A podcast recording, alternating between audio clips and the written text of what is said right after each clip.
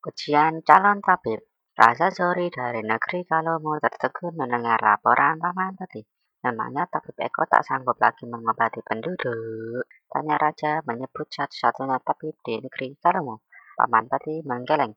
Musim pancaroba sebentar lagi datang. Biasanya ada wabah penyakit. Jelas Paman Pati. Seperti tahun lalu, hampir setengah penduduk menderita demam dan gatal-gatal. Tabib Eko jadi kerepotan. Kalau begitu kita harus cari tabib baru untuk menemani tabib Eko. Saran Raja, Paman Pati mengetuk-ngetuk kening, berharap bisa mendapatkan ide. Namun ide tidak datang juga. Bagaimana kalau jadwal ujian calon tabib dipercepat? Tanya Raja. Hmm, minggu lalu hamba telah bicara dengan tabib Eko. Tabib Eko punya 20 murid calon tabib. Bagus itu. Raja tersenyum lebar. Apa katanya? Ada tujuh murid yang sudah selesai belajar pengobatan. Siapa tahu salah satu dari mereka sudah siap menjadi tabib. Kalau begitu segera panggil mereka dan uji. Perintah raja sebelum meninggalkan Paman Pati. Paman Pati duduk di depan tabib Eko. Mereka menyusun pertanyaan untuk bahan ujian tujuh calon tabib. Kita perlu satu pertanyaan terakhir, kata tabib Eko setelah membaca ulang empat soal yang telah ia tulis. Negeri ini perlu tabib yang pintar dan juga perhatian kepada sesama. Betul sekali, suhut Paman Pati cepat. Aku punya pertanyaan untuk mengetahui perhatian mereka pada sesama. Tabib Eko mengangguk. Jadi pertama-tama para calon tabib harus menjawab empat pertanyaan tentang tata cara pengobatan. Jika bisa menjawab pertanyaan Paman Pati, barulah mereka bisa diangkat menjadi tabib. Ujian akan diadakan di Gedung Kalem. Itu adalah gedung terbesar dan tertua di negeri Kalemo. Para calon tabib pun setiap hari belajar di tempat itu. Pagi hari sebelum ujian, tampak seorang kakek sedang membersihkan gedung kalem. Kakek itu menyiapkan kursi dan meja yang akan digunakan para penguji dan peserta ujian. Saat itu peserta ujian mulai berdatangan. Kakek petugas itu terpaksa melintas di depan mereka sambil membungkuk hormat. Untung tidak ada yang memperhatikan saya, gumamnya dalam hati. Kakek itu telah bekerja di gedung itu sejak 20 tahun lalu. Usianya telah lebih dari 70 tahun. Penduduk hanya memanggilnya dengan sebutan kakek. Mereka tidak peduli lagi siapa nama kakek itu.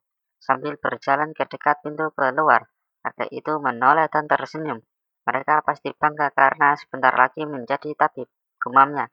Saat itu Paman Pati dan tabib Eko tiba di gedung itu. Hai kakek Alan, sapa Paman Pati sambil menyalami petugas itu. Sehat kakek Alan, sapa tabib Eko. Sehat, terima kasih. Jawab kakek, Paman Pati dan Tabib Eko sehat. Sehat juga. Jawab keduanya bersamaan sebelum masuk ke gedung. Tabib Eko berdiri di hadapan tujuh calon tabib dan mengumumkan tata cara ujian. Tabib Eko juga menyebutkan urutan peserta ujian. Tabib Eko dan Paman Pati lalu duduk di tempat yang telah disediakan. Satu persatu calon tabib duduk di hadapan Tabib Eko. Mereka mendengarkan soal yang dibacakan Tabib Eko. Semua calon dapat menjawab pertanyaan tabib Eko dengan baik. Mereka berhak maju ke pertanyaan terakhir yang diajukan oleh Paman Pati. Paman Pati memanggil seluruh calon untuk duduk di hadapannya. Masing-masing mendapatkan secari kertas dan pulpen. Sudah siap? Tanya Paman Pati sambil melirik tabib Eko yang duduk di sampingnya. Semua calon mengangguk pasti. Mereka merasa yakin bisa menjawab pertanyaan terakhir dengan benar sama seperti empat pertanyaan sebelumnya. Dengar baik-baik, kata Paman Pati. Tulis di kertas itu nama kakek yang berdiri di dekat jendela. Mata Paman Pati melihat ke arah kakek yang sedang sibuk membersihkan jendela. Para calon tabib melihat ke arah jendela dekat pintu keluar. Mereka mengenali kakek petugas kebersihan gedung kalem itu, namun mereka tidak pernah tahu namanya. Mereka juga tidak pernah menanyakan namanya. Terdengar helaan napas panjang. Para calon tabib meletakkan pulpen ke atas meja. Saya tidak tahu, kata mereka hampir bersamaan. Melihat keadaan itu, tabib Eko dan Paman Pati lemas. Kalian tidak punya perhatian kepada kakek Alan. Dia setiap hari membersihkan ruang tempat kalian belajar. Bagaimana mungkin kalian kelak bisa memperhatikan pasien yang hanya sesekali datang pada kalian?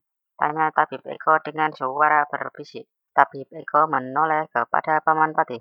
Maaf Paman Pati. Tabib Eko menunduk penuh sesal. Hamba gagal mendidik tabib yang perhatian pada sesama. Tamat.